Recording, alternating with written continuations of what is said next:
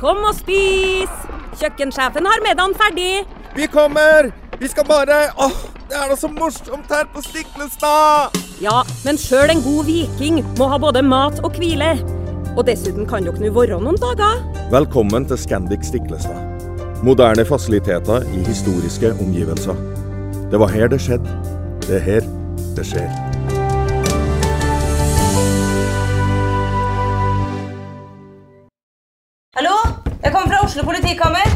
Ine Jansen er purk. Er du purk? The motherfucking bitch. Alt jeg vil, er å finne ut hva som skjedde med mannen min. Jon Carew. Er jeg sikta for noe? Iben Akeli. Det er du. Ole So, Lars Berrum og Big Daddy Karsten. Hvem sin side er du på, egentlig? Anette Hoff, Tone Danielsen, Kommer du fra Afrika? Jørnis Josef, Nesten. Kløfta. Trond Espen Seim, Det er synd å si det, men det var feil mann som døde. Purk. Premiere tirsdag på TV2 Play.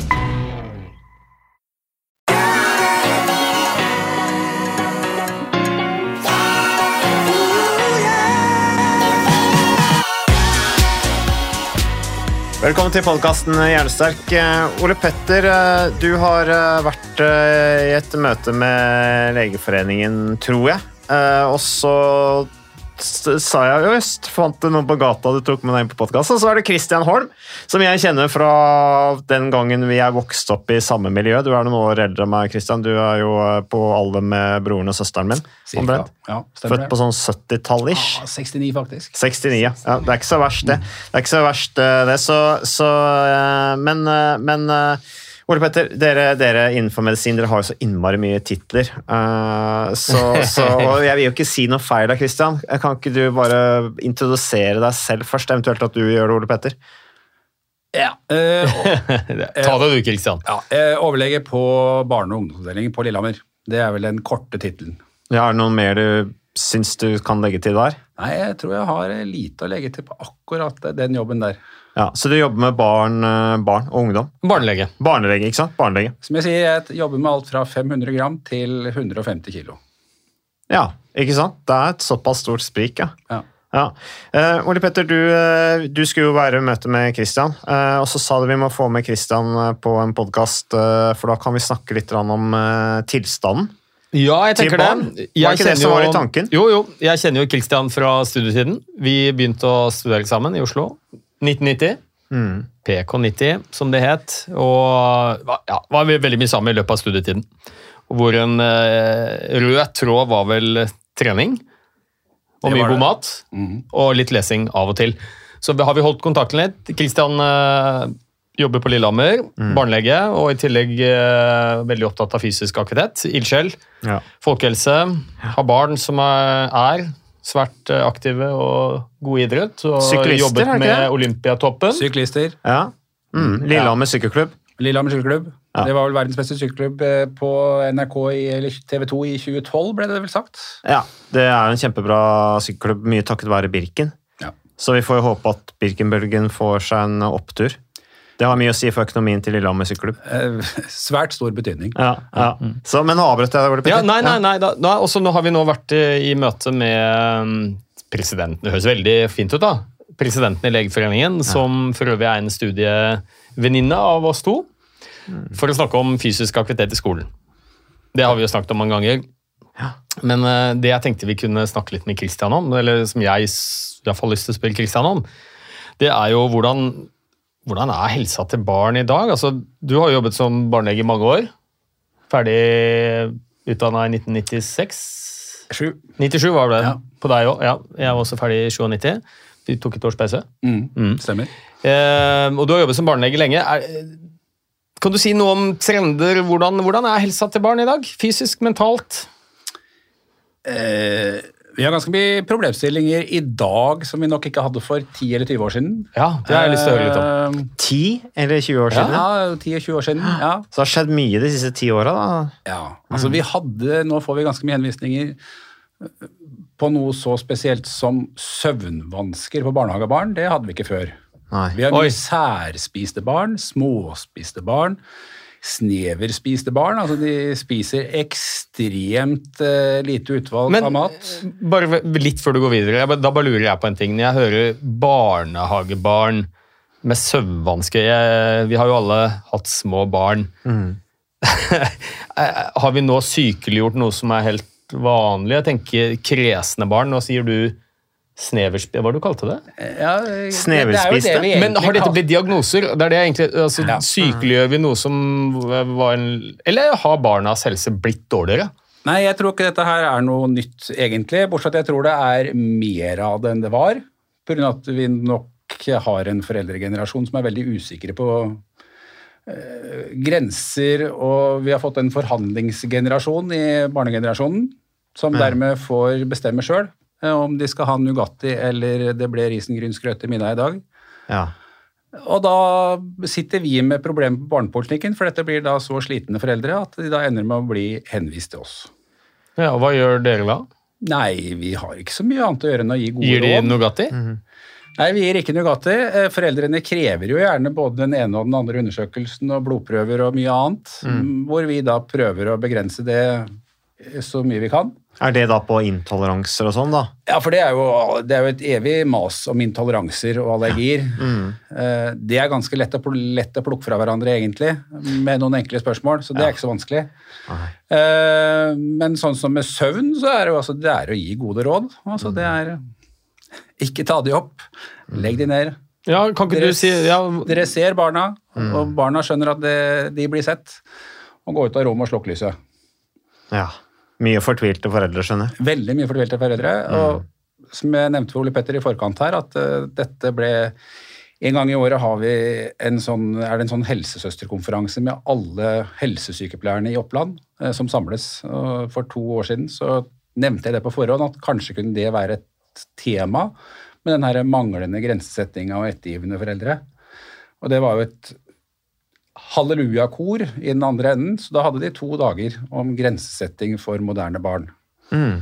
Det, det For det er et kjempeproblem for de, altså. Det er de som sitter med det primært, helsesykepleierne. Helsesykepleierne. Ja. ja. For det er, eh, det er blitt et helseproblem. At vi ikke setter nok eh, grenser, eller at vi setter for høye krav til eh, barneoppdragelsen, eller hvordan vi skal fostre opp barna våre. Eller hva, hva er tankene dine? Jeg tror det, jeg tror det, jeg tror det. Dagens foreldre er veldig usikre. Altså, Dagbladet og VG kommer med nye råd hver uke om hvordan du skal få intelligente barn, sosiale barn. ja, og Du har jo til informasjon tilgjengelig overalt. Du kan bare google det, så finner du mm. kan si sånn, svar på kompliserte Ja. utfordringer. De vet jo ikke hvem bein de skal stå på. Og så er det nok, tror jeg da, eh, nå høres jeg jo ut som jeg har enda mer grått hår enn jeg har, men eh, jeg tror det at for besteforeldregenerasjonen ikke bor i nærheten lenger, Ja. som et korrektiv, tror jeg også har gjort vondt verre. Ja, for der kom det mye gode råd. Ja. Mm. Og bekreftelser. ja. Mm. Dette har vi snakket om før. Husker vi snakket om dette med ensomhet og hvordan ting har endret seg litt. Veldig mye fokus på individuell, vi skal lykkes som individer. Den storfamilien som vi før hadde, som bodde på samme sted, i generasjonsbolig til og med. Nå er vi så mobile, vi bor over hele Ofte så bor ikke familiemedlemmer i nærheten av hverandre. Besteforeldrene bor et helt annet sted i landet. Og det er jo ikke så lett for bestemor å komme med et korrektiv når en eller annen psykolog eller spesialist har uttalt på TV eller radio eller i aviser at uh, sånn skal det gjøres, når bestemor kanskje mener noe annet. Nei, da blir det fort et kjerringråd. Det blir bare egentlig hassle for uh, den nybakte mammaen. Ja. Men det, det, jeg syns det er litt interessant. Det er en litt sånn rød tråd for noe vi snakket om i en annen podkast. nemlig dette med at vi, vi lever i et samfunn hvor all mulig informasjon er så tilgjengelig. Ikke sant? Kosthold. Plutselig er det sånn at selv fagpersoner begynner å lure på hva er det egentlig er kolesterol farlig? Skal vi spise mettet fett, umettet fett? Uh, altså Vi har så mye informasjon som spriker litt, at det blir jo vanskelig å vite. og Sånn tror jeg det også er med barneoppdragelse og um, alt mulig. Det er så mye informasjon tilgjengelig som ikke er veldig entydig, og så blir man forvirra. Men Christian, hvor, hvor, altså her nevner du ikke sant, du nevner snevespist og småspist og, og alt mulig rart, og søvnproblemer osv. Og, uh, og egentlig at, eh, som du er litt inne på, Ole Petter, ganske mye av det er eh, normalt, men vi blir, eh, vi blir helt satt ut av alle innspillene og rådene vi får fra overalt, alt fra fagpersoner til det ute på internett der. Men, men hvor mange Hvor mye av den, alle de konstellasjonene du har, behandlingen du får, er, vil du anse som alvorlig? Altså Hvis du tenker prosentandel av det jeg har eh, altså Det følger jo også med grått hår, at da får man eh, de sykeste pasientene. Eh, og når du da har ansvaret for eh, et relativt sykt eh, organ som heter tarmen, som jeg da har ansvaret for for alle da under 18 år i hele Oppland, så, så har jeg primært det. Så jeg har ikke så veldig mange av de, men Så du er sjef over tarmen jeg- til alle det er jeg. Og så har jeg vært seksjonsoverlege da, for barnepoliklinikken i ti år, eh, hvor jeg slutta med det for et par år siden. Så da hadde jeg ansvar for alle henvisningene, og det er klart, da så jeg det. Ja. Mm. Mm. Hm. ja. Men, eh, men det er i hvert fall eh, barnelege. Det er, du nevner dette her med at for mer problemer nå enn for 10-20 år siden. Um, hva, hva sleit vi med før? Som, uh, som liksom i Ja, det var hva var det vanlige før? Vel liksom, er, har vi fått bedre eller dårligere helse? På noen ting har faktisk ting blitt bedre. Altså, vi har fått noen vaksiner, eh, blant annet eh, mot noe som heter rotavirus, som gjør at eh, barn i dag knapt er innlagt lenger med omgangssyke. Mens, Og det eh, kan jo ha ganske høy dødelighet vært- det, for små barn. Ja, ikke i Norge, men Nei, i men i, i- andre ja, land. ja. I U-land har det det. Ja. Eh, Vi fikk jo også vaksine mot hemofilus influensa, det er enda lenger siden, men det har gjort at en del av de alvorlige sykdommene vi hadde med type hjernehinnebetennelse, er ser vi nesten ikke lenger. Nei. Eh, omsorgen, altså Gravidomsorgen i Norge er blitt veldig mye bedre. så sånn For meg som da driver med, med nyfødtmedisin av og til, eh, så er det jo mye mindre dårlig nyfødte. Så det er også et betydelig framskritt. da. Men er ikke det et liksom paradoks, da? At vi, eh, med alle de objektive målene vi har da, på helse, eh, levealder, spedbarnsdødelighet osv., alvorlige sykdommer og alt sånt, så er vi jo friskere enn noensinne. Og likevel så oppsøker vi legen mer enn før. Mer enn Så, noensinne. så det er jo de tingene som kanskje tidligere ikke altså, jo, jo friskere vi blir som nasjon, jo lavere blir jo terskelen for at ting oppfattes som unormalt og sykelig. Ja. Det er jo litt av det jeg, vi har snakket en del om også, at eh, maur i rumpa, det heter nå ADHD. Ikke sant? Og er du litt lei deg av nedstemt, så er det en dep depresjon. Vi l- lurer jo veldig på det. Er det, det er flere som får depresjonsdiagnose. Er det fordi vi er dårligere til sinns, altså, eller dårligere mental helse? Eller er det fordi terskelen for å, å kalle det det er blitt lavere? Og vi får jo henvisninger, altså Hvis du tenker aktivitet, da, så har vi jo henvisninger på ungdommer med spørsmål om de har astma.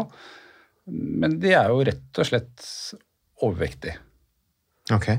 Ja, barnet, Ja, jo, altså det, det er, Fordi at de puster og peser sånn? De 300 meterne fra skolen de er kjempetunge å gå, så man lurer jo da på om har dette barnet astma. Men det er jo rett og slett fordi barnet er veldig tungt og inaktivt. Det er jo litt, rett og slett dårlig form. Rett og slett, Ja, ja. Rett og slett dårlig form. Ja, ja. Det, er klart, det, jo en, det vet vi i barnepopulasjonen som i resten av populasjonen. Det er en ekstrem polarisering. Hvor noen er jo, trener jo mer enn barn noen gang har gjort, og ungdommer noen gang har gjort. Men dessverre så er det jo en, også en ekstremt stor andel som knapt rører seg. Vi har jo i dag unge mennesker på ja, ti år. Vi har hatt sånn allaktivitet, eller allidrett som det heter, hvor vi prøver å lavterskelaktivitet for alle barn gratis. og det er mm, lek og, og alle mulige slags øvelser som man finner noe man trives med. og det er En av øvelsene der er stafett. Og det er jo ikke noe verre enn at du liner opp to rekker med barn, og så sier du klar, ferdig, og så løper jo de så fort de kan. Ja. Og noen blir altså så bekymra etterpå fordi de opplever smerter. Altså smerter i brystet, og foreldrene kan ta kontakt etterpå og lure på om de vet at jeg er lege, da, om jeg kunne undersøke dem og se om det er noe galt med hjertet, for han fikk så ubehag, det var så vondt. Og poenget er jo, de er bare slitne, de har ikke vært slitne før. Altså Vi har ungdommer på 10-12 år som aldri har vært helt andpustne eller stive i muskulatur. Begynner å melke syre og merke den der, jeg vet, den blodsmaken i munnen som vi alle har opplevd da vi var små, men det er det jo en stor majoritet som de har aldri vært i nærheten av å bli skikkelig slitne. Nei, altså, jeg løp jo Holmenkollstafetten forrige uke, Christian og, Ole Petter, og da fikk jeg jo den samme følelsen. Veldig ubehag etterpå, for jeg har jo ikke tatt i på lang tid. Men du visste hva det var? Ja, ikke sant? Ja, du gikk ikke til lege og lurte på- følelse. Ja. Ja, følte meg som konkurransemann igjen. Men ikke ikke sant, det er jo det jeg skulle ønska meg nå, var jo at vi fikk mer av den her impulsive leken blant barn igjen. Fordi altså, Det er jo ikke et barn nå som er i aktivitet uten at det er voksenorganisert trening. Nei. Men det er, det er jo ingen som klatrer i trærne nesten lenger, eller Ringer på å stikke av som vi drev når vi var små. Kjørte sparktog, kjørte, spilte stikkball. Ja. Det eksisterer jo ikke lenger. Nei. Og, og den aktiviteten er jo veldig mye sunnere hvis du tenker folkehelse, da, enn én time fotballtrening på en eller annen kunstgressbane hvor man står i kø for å få skutt fire ganger. Ja. Ja. Og, og, og, og, som selvfølgelig er bra, men det, det er veldig, veldig mye bra organisert aktivitet, idretts for barn, men det er jo noen elementer her. Det ene er at det er jo ikke alle som eh, er veldig glad i å spille fotball, eller synes det er gøy. Det er ganske dyrt. Og det, De fleste av oss som har grei økonomi, tenker ikke så mye over det, men har du f.eks. tre barn som eh, er med på håndball eller fotball eller begge deler, det er masse dugnader, det er mye tid. så Det er jo egentlig bare med på å øke s- forskjeller i, altså sosiale forskjeller i helse. Jo mer ressurssterk du er, jo større sannsynlighet er at du har muligheten til å sende barna dine til disse organiserte aktivitetene, som er bra, men den der spontane leken som alle drømmer, den er borte. Det er, Det er synd. Det er ikke mye paradisruter å se i asfalten på våren lenger, eh, iallfall ikke i boligfeltet mitt på Lillehammer. Nei, det, jeg har ikke hatt noen barn som har ringt på ringeklokka mi og stukket av. Vi driver Nei. med det hele tiden. Kjempegøy. Ja. Det er ingen som driver med det. De sitter jo inne og spiller. Grand Theft Auto. Ja, og så må det jo være veldig mye slitne foreldre òg. Fordi at eh, hvis Noe av det deiligste med å bare at barna holder på for seg sjøl, det er jo du kan jo bare legge deg på sofaen og lese avisa, eller slappe av litt, og kanskje gjøre litt ting inne i huset, eller Men nå må man jo være etter barna hele tiden, og det, det blir jo mye slitne foreldre. Og det er hyggelig å være sammen med barna, det er ikke det jeg sier, men det er jo kanskje litt bra for barna å holde på litt for seg sjøl, og også litt bra for foreldrene, faktisk. Å få litt rom. Jeg leste han Fredrik, jeg tror det var Fredrik Skavlan, som sa at jeg leker aldri med barna, men jeg, henne jeg tar de med ut på ting. Ikke sant? Og det er jo noe med at la barna noen ganger innimellom være litt i fred. Eh, så, men nå er det kanskje ikke det som er ditt felt. Dette er går mer med på sånn psykologi i forhold til hvordan være god foreldre. Men, men det er i hvert fall interessant det du sier da, om at, eh, at barna er i så dårlig form at eh, foreldrene lurer på om de er syke. Har vi Det er sånn, kanskje en brannfakkel, men eh, er vi litt for bekymra for barna våre? Er det sånn at eh, vi tar med barna våre til lege for eh, ting som egentlig ikke er nødvendig? Og at man eh, ofte som lege må behandle foreldrene mer enn barna? Hvis du skjønner problemstillingen? Ja da, altså Å være barnelege er i stor grad å være en kommunikatør for å berolige og informere. Ja, Det er det ikke tvil om. Mm. Og sånn sett så er jo altså, den der kampanjen som Legeforeningen har med Gjør kloke valg, altså hvor vi skal begrense utredning, da, og begrense medisiner og begrense ressursbruk i helsevesenet, eh, er jo veldig bra og har medført masse bra fordi Ukas annonsør det er eh, HelloFresh. Og eh, hvis du nå går inn på hellofresh.no og bruker koden 'fresh hjerne', så kan du få opptil 1779 kroner rabatt på da de fem første matkassene dine hvis du ikke har prøvd HelloFresh enda. Og Ole Petter, vi er jo glad i HelloFresh i podkasten Jernsterk, eh, selvfølgelig fordi at de er en annonsør. De er med og bidrar til å spre det glade ordet om fysisk aktivitet og god helse. Men i tillegg så har jo vi også nå lang erfaring med HelloFresh Fresh selv. Så vi må jo si at det har vært gode erfaringer til nå. Ja, absolutt. Visste du, Mats, at HelloFresh det er faktisk verdens ledende matkasseleverandør? Og tilbudene til HelloFresh gjør det enkelt å lage gode og varierte retter som skaper matglede.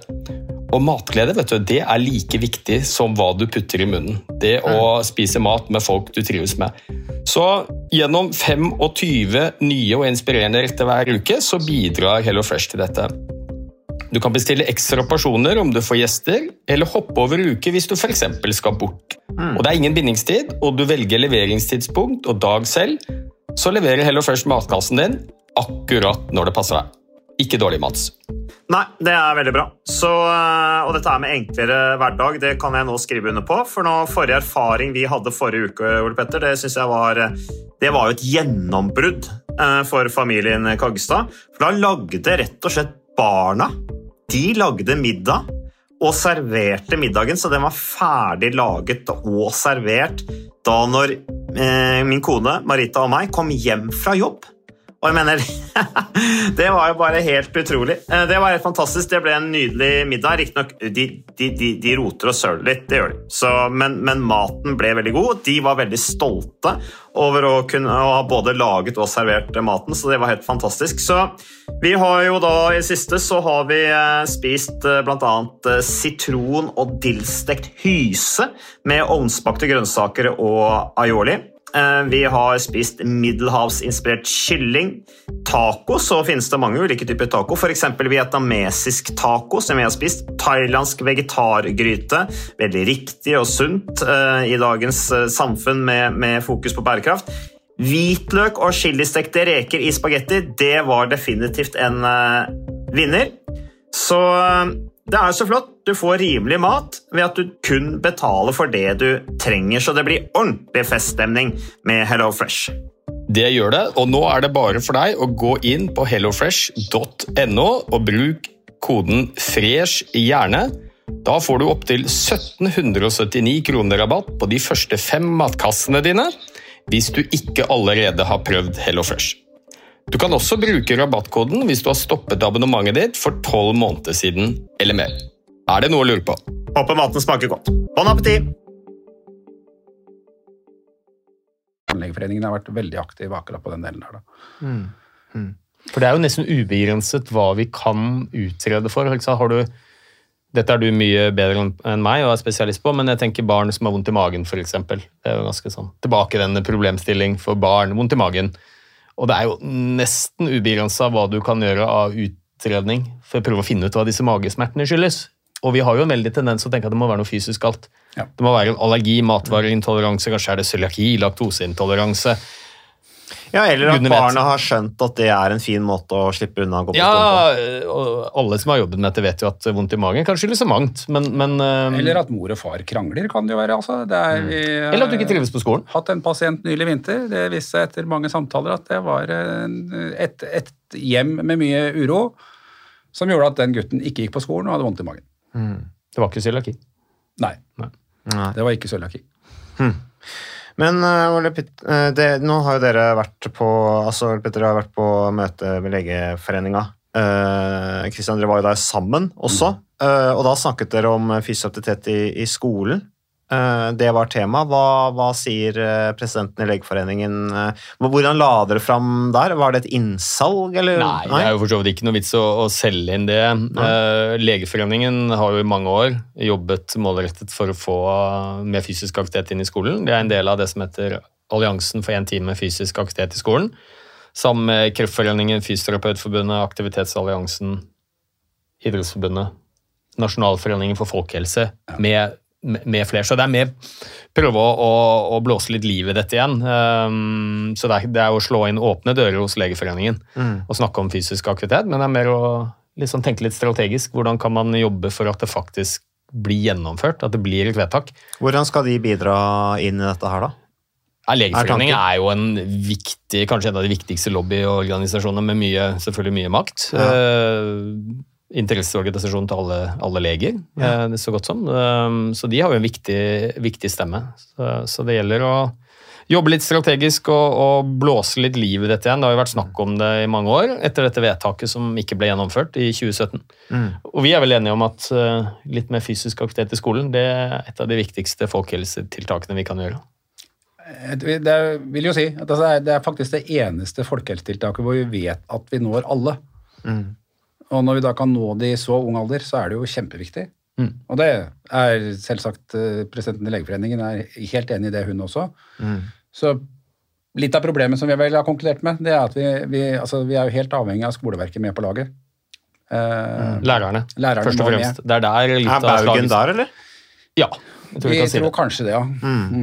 Og det er ikke fordi en enkeltstående lærer er, er negativ til det. Det er gjort en del spørreundersøkelser, og det er overveldende flertall både i befolkningen generelt, eh, men også hos lærerne, for å få mer bevegelse inn i skolen.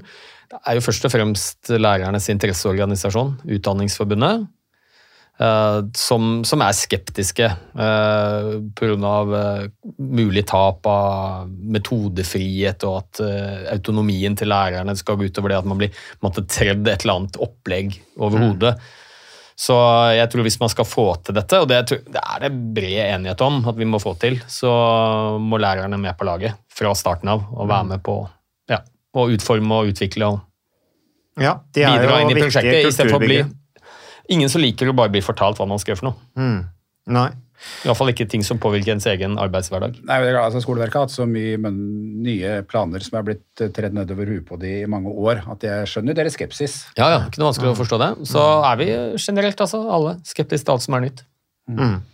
Men Kristian, du, eh, som sagt, du er vokst opp eh, det deler av barndommen eh, på Modum Bad. Mm. Der er for så vidt jeg også i nærheten vokst opp. Eh, Sier man at man er vokst opp på Modum Bad? Det høres nesten litt sånn uh, sykelig ut. Eh, altså man- i, I vår barndom så ble vi bare kalt på skolen lokalt for badebarn. Ja, det var en egen eh, spesiell Ah. rase. Vi var på en Jo, måte, det er et land i bygda, på en måte, fordi at dit Ja, ja. kommer det bare innflyttere Ja. fra andre steder av Norge. Alle akademikere. Modum er jo et landbruks- og industrisamfunn, så det er klart vi skilte seg ut. Og så var det jo et sted også hvor tro, altså den kristne tro sto ganske sterkt.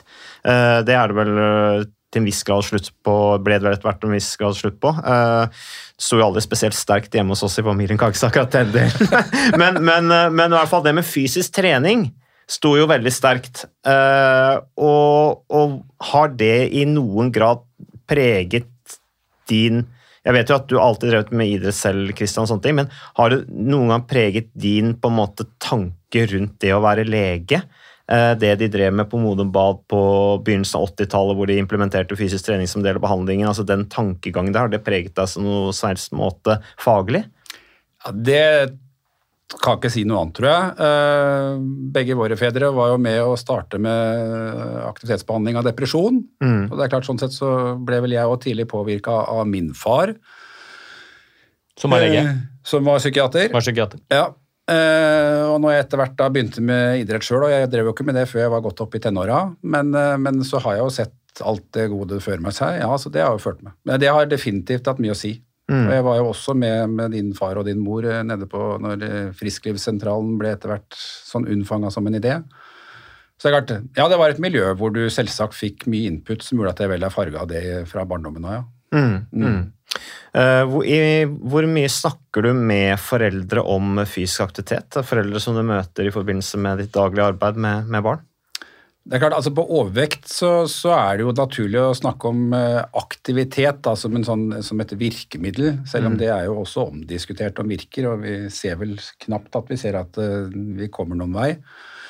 Men det er, det er viktigere, selv om du er overvektig, så er det jo bedre å være i aktivitet enn ikke. Eh, og det begynner jo å bli relativt mye dokumentasjon også på type kroniske sykdommer som leddgikt f.eks. At eh, de barna òg har mye bedre av å være i aktivitet eh, i forhold til det motsatte. Eh, så jeg snakker ikke eh, veldig mye, tror jeg, hvis du spør pasientpopulasjonen min, men der det passer seg, ja. Blir de lei seg om du tar det opp? Er det, er det et veldig vanskelig tema? Er det vanskelig å snakke om det? Vi har jo hatt en egen podkast om det, Petter, den, den vanskelige samtalen. Jeg vet hva, det, det er ikke så vanskelig, men det du, inntrykket du sitter med, er at uh, veldig mange later som de skjønner, og dette skal vi gjøre noe med, men veien fra, til å gjøre det er noe helt annet. Det har jo et eget begrep, det derre uh, intention action gap. Ja. Altså distansen mellom ønske og, og det at man vil, sier man vil få mer fysisk aktivitet, og det å faktisk gjøre det, det er ganske langt. Det, det, det er ganske interessant, for det er, hvis vi snakker om intention gap, da, så har vi akkurat det samme på Vi har ganske mye pasienter med hodepine, ungdommer. Ja. Da har vi to, eller jeg har iallfall to standardspørsmål, og det er jo når de legger seg, disse her ungdommene, og da vet de alltid hva de skal svare politisk korrekt. Altså, 15-åringen legger seg klokka ti. Men så kommer oppfølgingsspørsmålet, og det er jo når skjermen blir lagt bort. Og jeg får de, de er helt ærlige, og det er jo da ikke før klokka ett-to. Og da er jo Da kan vi si ha det, og så gjør vi ikke noe verken mer røntgenundersøkelser eller blodprøver eller noen ting før de har greid å sove det de skal. Og de kommer jo ikke tilbake igjen. Nei. Så søvnrutiner er jo et kjempeproblem i ungdomspopulasjonen. Og, der, eh, og det skyldes primært mobiltelefonen? Ja, det vil jeg si. Energidrikk, jeg snakker om det òg. Er det Ja, tema? vi har jo faktisk et doktorgradsprosjekt på Lillehammer på energidrikk, fordi vi hadde en pasient for veldig mange år siden som ble ekstremt syk etter å ha inntatt litervis med energidrikk eh, på et sånt eh, LAN-treff. Mm. Og etter det så ble det igangsatt et, et doktorgradsprosjekt på energidrikk, så det pågår for øyeblikket. Eh, Nettopp på energidrikk energidrikkforbruk blant ungdommen. Mm. Så enkelt, egentlig. Eh, kutte ut energidrikk, legge fra seg mobiltelefonen og begynne å bevege seg mer, men allikevel så vanskelig. Og sov. Ja. Og sov. Mm. Ja, søvn er riktig. Fordi det- jeg sitter jo også med mye idrettsungdommer, da. For det er stort sett jeg som får de hvis det er noen idrettsrelaterte problematikker. Og der er det jo også et kjempeproblem med søvn, ikke sant. ja. Hva er problemet da? Nei, de sover, de De får ikke sove pga. spenninger, spenninger, det eller? er, Nei, dette er veldig Altså- enkelt. Det er det vi på godt norsk kaller for lakenskrekk. Ja, ja. Altså, det skjer så mye altså, det er klart, bor du på en, Går du på, jeg har begynt på NTG, og du bor på et hybelhus med bare førsteårsstudenter på NTG på Lillehammer, der skjer det noe natt og dag. Ja. Altså, den viktigste grunnen til at det, det er jo noen nordmenn, eller ganske mange faktisk, som lider av kronisk søvnmangel, og som ønsker å sove, men som ikke får det til av forskjellige årsaker. Men Mm. Den viktigste grunnen til at folk sover for lite, er jo bare fordi vi nedprioriterer det. Eh, Vi velger noe annet isteden, om det er skjerm eller Netflix eller Ja. Ja, det er for så vidt skjerm, det òg, men eh, eller andre ting. Så det er jo prioriterer litt høyere. Ja, og som jeg sier, altså går du på NTG, og far betaler 100 000 i året for deg, og du trener 20 timer i uka Hvis du da sover fem timer i hver natt, så er det egentlig bare tull å betale de 100 000 kronene i uka for det, i, i året. Fordi du, du på en måte presterer så mye dårligere pga. for lite søvn. Ja. Hm. Ja, nei, det er, eh, det er eh, Det er krevende å være ung og barn, men allikevel kanskje ikke så vanskelig likevel, når man hører man skal, hvilke enkle grep som kan gjøres. Ja, jeg kom bare på et lite paradoks når jeg hørte dere to sitte og mimre litt fra gamle dager på Modum Bad. Dere bade, badebarn. Badebarna. Ja, ja. Badebarna. Og det er jo at Når var det vi, de startet? Uh, tidlig 80-tall, hvor man så på sammenheng Jeg vet ikke når Egil Martinsen tok sin doktorgrad. Det var tidlig på 80-tallet at fysisk trening begynte Ja, å komme komme inn der. Egil tok vel doktorgraden sin eh, om det var seint 80, begynnelsen av 90, kanskje. Ja, men man hadde vel startet før det. Hvor Ja, man de sett, før det. sett på med Geir. Ones som direktør. Ja. Han trente selv, og det var jo årsaken til at fattern mente at han forsto hva det handla om. ja. Men det er det, poenget mitt er jo at nå snakker vi, vi snakker eh, nesten 40 år tilbake i tid. Ja. Uh, og, med Egil Martinsen doktorgrad så har vi jo lenge hatt god dok- dokumentasjon på at det å bevege kroppen påvirker mental helse i positiv retning. Uh, og da syns jeg det er paradoks at det var først nå i mai 2023 så var det et oppslag hvor jeg også var med for øvrig, i Dagens Medisin, hvor da dagens leder for Norsk psykiatriforening, Lars Lien, Ja. som før vi er kollega av meg på Høgskolen Innlandet, sa at nå er det på tide å revidere nasjonale retningslinjer for, for behandling av depresjon. Ja. Så fram til nå så har ikke fysisk aktivitet vært nevnt som et behandlingsverktøy, selv om det har vært godt dokumentert i iallfall 30 år. Så poenget mitt er bare at eh, jeg nevnte vel det at helsevesenet det er som et gedigent tankskip. Og det å endre kurs, det tar så lang tid. Tenk deg det. Så ting skal ha vært dokumentert ganske lenge før vi begynner å faktisk bruke det i hverdagen. Men så det er jo kult at det skjer noe, da. Ja, eh, vi, vi var jo så heldige å, jeg var jo så heldig å få en podkast med, med Egil Borre Martinsen før han, før han eh, døde mm. av kreft. Det var jo bare et par uker før. Eh, det var veldig flott å få den. Kan, lytterne våre kan jo gå tilbake og høre på den. Eh, han er jo en, eh, en, en guru når det gjelder det arbeidet der. Men, men hva er det altså, Når vi snakker om det nå, og det kommer sånne oppslag i Dagens Medisin, liksom, altså, da tenker jeg bare er dette, er dette her nytt for helsevesenet? i 2023. Det er jo bare helt utrolig. Hvor, hvorf- hvorfor er det slik? Jeg tror, jeg tror noe av grunnen er jo at vi vet hvor pengene er. De, den er jo i industrien, som produserer medisiner. Eh, er som helt, i eh, helt ikke enig, ubetydelig grad styrer helsevesenets prioriteringer. Eh, og forebyggende arbeid, det er i hvert fall ikke prioritert i helsevesenet. Fordi det er penger man må putte inn, som man kanskje får utbytte av om 20 år, 30 år, jf. det jeg og Ole Petter har vært nå og snakka om i Legeforeningen, om aktivitet i skolen. Eh, gevinsten får vi jo heller ikke der før det har gått flere tiår. Eh, og dermed så, så, så tar det så lang tid da, før erkjennelsen at fysisk aktivitet som et veldig enkelt, billig, tilnærma bivirkningsfritt eh, virkemiddel kan faktisk ha betydelig effekt på deprimerte pasienter. Mm. Ja, jo helt enig med Kristian, og så tror jeg også at noe av det skyldes at vi, vi er alle sammen litt skeptiske til ting som er nytt. Det er lettere å snu bunken og gjøre ting sånn som du alltid har gjort det. Så når det kommer ny kunnskap eh, på banen, så, så tar det litt tid før vi begynner å bruke det i praksis. Vi er, praksis, vi er vanedyr. Men dette her Sånn er ikke ny kunnskap. det. Det er, jo, det er jo gammel kunnskap. Jo, jo, men relativt ny, Ja, da. ja. Hvis vi sammenligner med mye annet, eh, så er jo faktisk 20-30 år i medisinen relativt nytt, da. Men, men eh, det er jo, det er Men nye medisiner putter vi oss i uten å blunke. Nå Jo, er jo jo. altså slankemedisin, da. Det er jo det nye nå. Altså, det, det kommer til å være en stor prosentvis av befolkningen som begynner å gå på det. Kanskje i lavere og lavere alder òg, Christian? Jeg vet Ja, ikke, er det noen, Har du snakket, eller er det noen foreldre, eller har du foreslått det eh, allerede for dine små pasienter, om de skal begynne med slankemedisin? Nå har vi, vi har, vi er, jeg er så heldig at vi har to av våre barneleger på Lillehammer har doktorgrad innen fedmeforskning. Så jeg, det er stort sett de som styrer akkurat den delen der. Så ja da, så vi har eh, pasienter på slankemedisin. Barn. Ja, de er nok ikke barn, da, men ungdommer i hvert fall. Ungdommer, ja. Men hadde, jo fys hadde fysisk aktivitet vært en pille, så hadde vi pusha den. Da hadde jo legemiddelbransjen pusha det. Hadde blitt verdens mest solgte legemiddel i løpet av kort tid. Mm. Så det er jo et viktig poeng det der, at det er en gigantisk industri med mye penger, Ja. som selvfølgelig dytter fram sine alternativer. Mm. Uh, og det er ikke noe enhetlig eh, industri som står bak og dytter fram en gåtur. Nei da, det fins Eller en rolig sykkeltur. Nei, det måtte jo vært skoprodusentene. Jo, men det, det, er, det er ikke noe samlet industri som står bak og gjør det, på samme måte som legemiddelbransjen. Så det er jo også en viktig grunn. Nei, men det skjer mye på det fronten der òg. Dere gutta dere skal eh, til Lillehammer begge to. Eh, Eller du skal til Lillehammer, du skal til Hamar. Innlandet. begge- Innlandet dere skal til Innlandet begge to. Dere skal Det ta det samme tog, og det Ja. toget går om ikke altfor lenge. Eh, sånn at eh, dere vil jo ikke ha altfor dårlig tid. Du er vant til å ha relativt høyt tempo, Kristian. Christian. Litt mer fornuftig, så han liker litt bedre tid. Så da tenker jeg at dere skal få lov til å slippe unna nå. Og så takker jeg for Kristian. Christian. Veldig hyggelig at du kunne komme. Det var veldig hyggelig å se deg igjen. I like måte, Mats.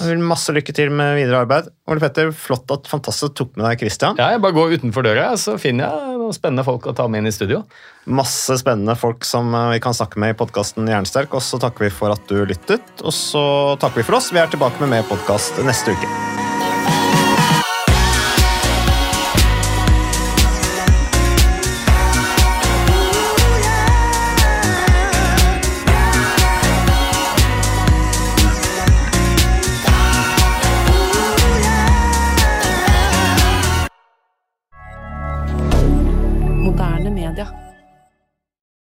Har du et enkeltpersonforetak eller en liten bedrift? Da er du sikkert lei av å høre meg snakke om hvor enkelt det er med kvitteringer og bilag i fiken, så vi eh, gir oss her, vi. Fordi vi liker enkelt. Fiken superenkelt regnskap.